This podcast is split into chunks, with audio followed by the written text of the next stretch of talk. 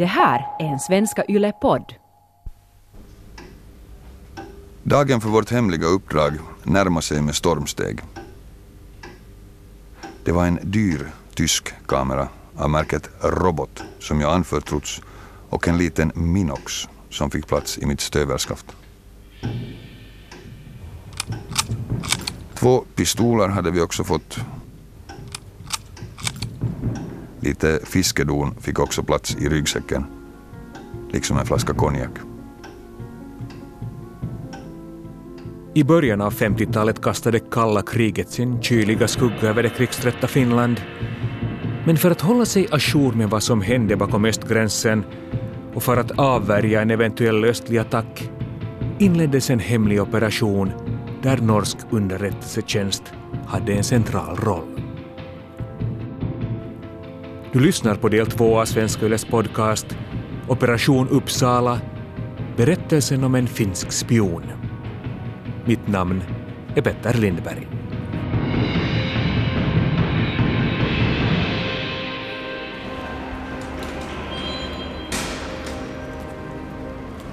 På järnvägsstationen i Oslo mötte mig en piprökande man som även han läste Uusisuomi. Good morning, sa jag på min obefintliga engelska och därmed var kontakten etablerad. Vi hade inget gemensamt språk, men den norska mannen förde mig till en stor lägenhet i närheten av Bislett. Fem rum och kök. Så flott hade jag aldrig bott. Och förundrat gick jag från rum till rum samtidigt som jag undrade vad som härnäst skulle hända. Lauri Solehmainens kontakt med en piprökande främling som flaggar med tidningen Uusisuomi på järnvägsstationen i Oslo är precis som ur en agentroman.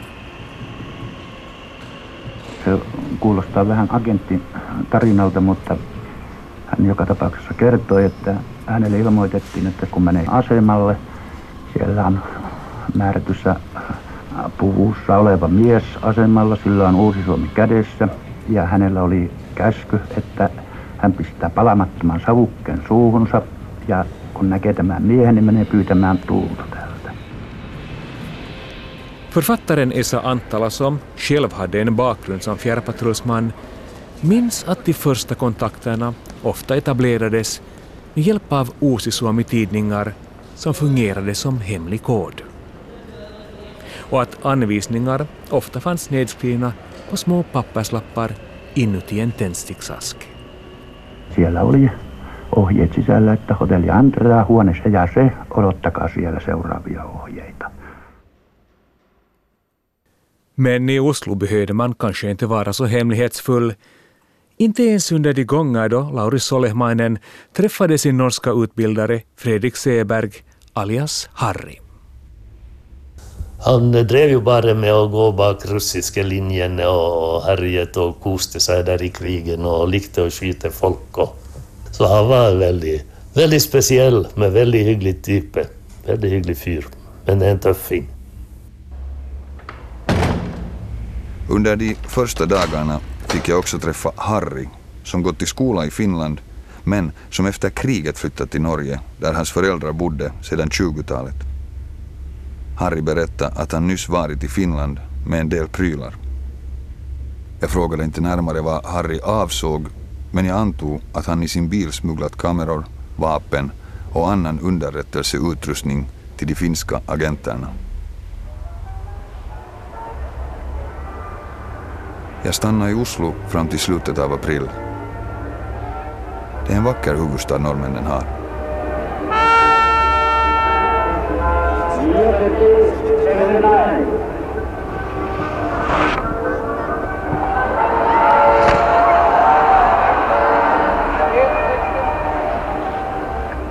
Jag hade gott om tid att öva mig på fotografering och hoppbackarna i Holmenkollen blev mig ett kärt motiv och utflyktsmål. Men naturligtvis var det inte bara fotografering som stod på programmet. Jag blev också itutad att norrmännen och jänkarna, förutom bilder på strategiska mål, även ville ha information om spårbredd och uppgifter om hur många krigsflygplan det kunde finnas på flygfältet i Murmansk. Notera allt ni ser. Byggnader, rutiner och leveranser, sa utbildaren och tillade att den militära aktiviteten i Murmanskområdet gjorde honom och hela västvärlden orolig.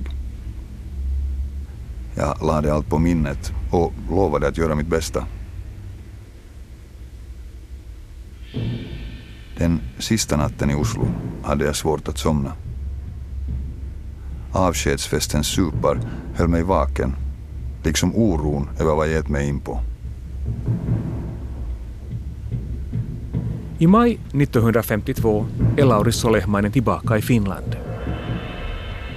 Här väntar den norska spionchefen Magnus Bratten som redan vistats två år i Helsingfors. Magnus Brattens ställning på ambassaden i Helsingfors är lite oklar. Det framgår inte minst av de irriterade brev som ambassadören skriver till utrikesministeriet hemma i Norge. Herr Bratten har nettopp kommit tillbaka från Oslo, och han sa att han kommer att bli här i Helsingfors intill hans efterföljare kommer. Bratten tar sig friheter och redogör inte för vad han gör. Men av allt att döma idkar han också välgörenhet När han inte är upptagen av ideologisk krigföring mot ryssen, säger Magnus Bratten den yngre. Mange ting som tyder på at de også drev med sosialt arbeid ikke sant, i Finland. At det var, eh, de var på masse møter for den finske fagbevegelsen og delte ut appelsiner for å verve folk. Eh, og så drev de med noe annet også. Och det andra var naturligtvis spionverksamhet och gärna i samarbete med de socialdemokratiska partierna i Norden som efter kriget sammangaddat sig mot kommunisterna, säger historikern Mikko Majander. socialdemokratin var en av de föregångare på, på så, att, så att säga på samhällsnivån att bygga broar inom Norden politiskt sett också. Och som sagt under kriget de har, hade hamnat i skilda vägar på många olika sätt men nya fiende Sovjet-Ryssland var fa faktiskt lite också den gamla fienden och det betydde kommunismen. Att äh, det var lätt att hitta varann när kalla kriget sen äh, började på allvar på 46-47, också i Norden.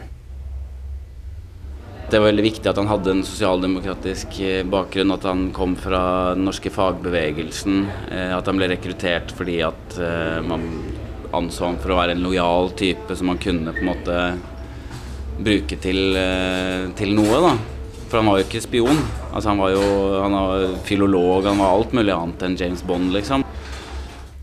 Min morfar var ingen James Bond, utan en lojal partifunktionär som var övertygad om att socialdemokratins uppgift var att avvärja en kommunistisk attack, säger Magnus Bratten. Men där som Magnus Bratten den äldre drevs av en ideologisk övertygelse, där var Lauri Solihmanen ganska ointresserad av politik, säger forskaren Heidi Ruotsalainen. kommunismi ei nyt ollut Su- Suomessa ihan hirveässä huudossa kaikissa piireissä 20-30-luvulla eikä tietenkään sotavuosina, mutta jos nyt mietitään puhtaasti solehmaista, niin e- ei hänellä sellaista niin kuin vaikutinta siinä vaikuta olleen. Nej, i det här skedet av uppdraget verkar han nog vara mer intresserad av att hitta någon som kunde följa med honom på det hemliga uppdraget till Murmansk. Lauri söker en person som är van att röra sig i skog och mark. Någon som är stresstålig och i nödvärn beredd att skjuta, säger författaren Esa Antala, som själv har erfarenhet av liknande uppdrag. Sabotaasitehtäviä ei ollut, mutta aseet annettiin sitä varten, että he niin itse puolustus, puolustusta varten voivat käyttää asetta, jos todella tiukka paikka tuli. När jag i maj anlände till Finland började jag genast leta efter en kumpan. Det slog mig att Saukkonens Olli, eh, som tjänstgjort med mig under kriget och som dessutom var från grannbyn, skulle vara ett utmärkt resesällskap. Det tyckte också Ollis bror, som drev en lanthandel i Tuupovaara. Vi lockade med nyheter och brännvin och det fick Olli genast att lämna Helsingfors till förmån för sina hemtrakter. Jag måste erkänna att det blev några spritindränkta dagar först i Kuopio och sedan i Kajana där vi satt på Sosis och fortkom i samspråk med Reino Sappinen som också tjänstgjort som fjärrpatrullsman. I något skede av kvällen gick jag ut på stan men i min frånvaro, det, det intygar Reino, så började Olli tala om hur man enkelt kunde lura uppdragsgivaren. När jag senare på kvällen återvände berättade Reino i förtroende att han inte litar på Olli det minsta. Olli drack för mycket och han hade också sagt att de med hjälp av gamla fotografier enkelt kunnat lura såväl norrmännen som jänkarna. Reino sa att han aldrig i världen skulle bege sig på ett hemligt uppdrag med Olli Saukkonen. Varpå jag undrar om han istället skulle åka till Murmansk med mig. Visst fan, det kan man lita på, sa Reino och höjde snapsglaset till en skål. Reino Sappinen har också tjänstgjort som fjärrpatrullsman under kriget och i likhet med Lauri är han utblottad och i desperat behov av pengar. Det blir alltså Reino som ska följa med Lauri på den farliga resan. Jag, jag fick ju då det intrycket att det var, var folk som hade utmärkt sig speciellt under krigen mot Sovjet. Precis som förbindelsemannen Svein Blindheim konstaterar så har Lauri och Reino framgångsrikt tjänstgjort under kriget som fjärrpatrullsmän långt bakom den finska fronten. Och de har båda också en lång erfarenhet av att röra sig i gränstrakterna, tillägger forskaren Heidi Ruotsalainen. He oli sotavuosina tehneet sitä työtä vuosikausia. Siinä suhteessa heillä oli taustat siihen olemassa, eli he jos ketkä tavallaan pysty liikkumaan vihollisen puolella kiinnittämättä sen kummemmin huomiota tai hoitamatta rajan muodollisuuksia.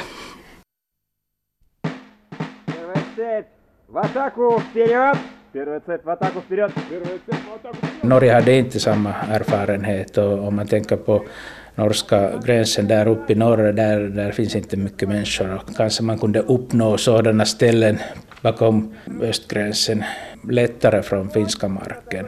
Så det, det finns bara, både kunskap hur man gör det, det, det, det fanns villiga man som uh, man kunde locka med pengar och kanske också hade så en mycket passlig mentalitet.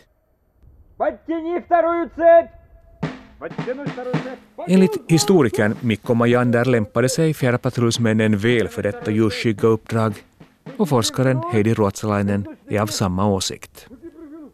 Ylipäätään jos mietitään suomalaisia kaukopartiomiehiä ja Lauria mukana heissä, minkä takia CIA ja NATO heitä värväsi, niin käytännössä syynä oli se, että he osasivat mennä rajan yli.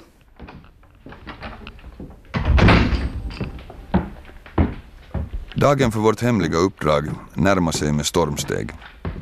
Reino fick inte ledigt från jobbet sitt, så han sa upp sig.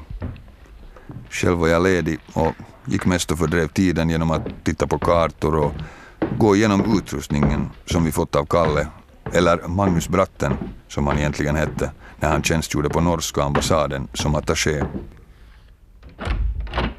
Det var en dyr tysk kamera av märket Robot som jag anförtrotts och en liten Minox som fick plats i mitt stövelskaft. Två pistoler hade vi också fått, fast endast att användas i självförsvar, inskärpte Erkki Tuomi, eller Marimo, som jag alltjämt valde att kalla honom. Lite fiskedon fick också plats i ryggsäcken, liksom en flaska konjak. Så var dagen för avfärd inne. Reino hade meddelat sin mamma att han skulle åka till Haapavesi för att hälsa på sin bror.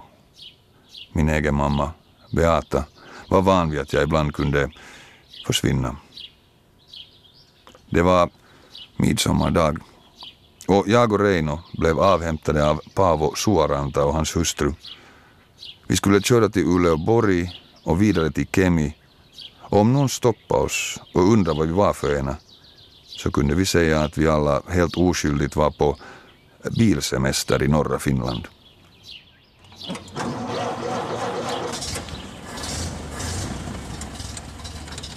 Paavos bil fick redan den andra dagen ett fel på det ena framlagret och vi tvingades stanna i Uleåborg en extra natt.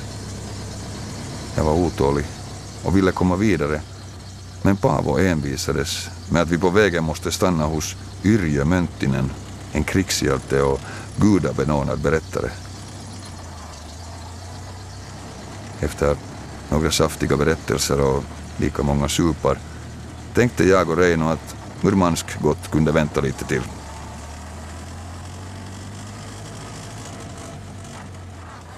Lauri och Reino fördröjs av en fest hemma hos en gammal kompis från kriget. Men den 27 juni når de äntligen fram till Sodankylä för att därifrån ta sig vidare österut. De skulle gå in i Sovjet och där skulle de utföra slikt arbete som jag hade förberett dem på. Det är sommarår 1952. Helsingfors står värd för de olympiska spelen men över fredens fest faller kalla krigets skugga. Många är rädda för en kommunistisk kupp. Men två män är beredda att sätta sitt liv på spel för att avvärja hotet. Den 27 juni anlände vi till Sodankylä. Någonstans i närheten av Lanila låg resterna av en gammal tysk barack och invid den vägen som ledde rakt österut. Jag och Reino klädde av oss kostymerna och bytte om till kläder som bättre lämpar sig för vandring i skog och mark. Därefter tog vi på oss ryggsäckarna. Jag trädde kameran runt halsen och undrade om vi såg ut som turister.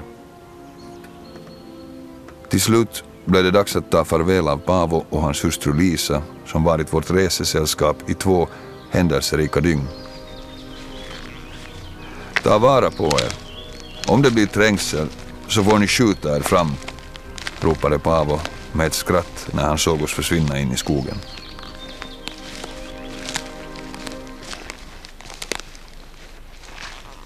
Du har hört det andra avsnittet av Svenska Yles podcast Operation Uppsala, berättelsen om en finsk spion. I del tre får du veta hur det går för Lauri och Reino i Murmansk och vad det är som driver dem detta märkliga år 1952.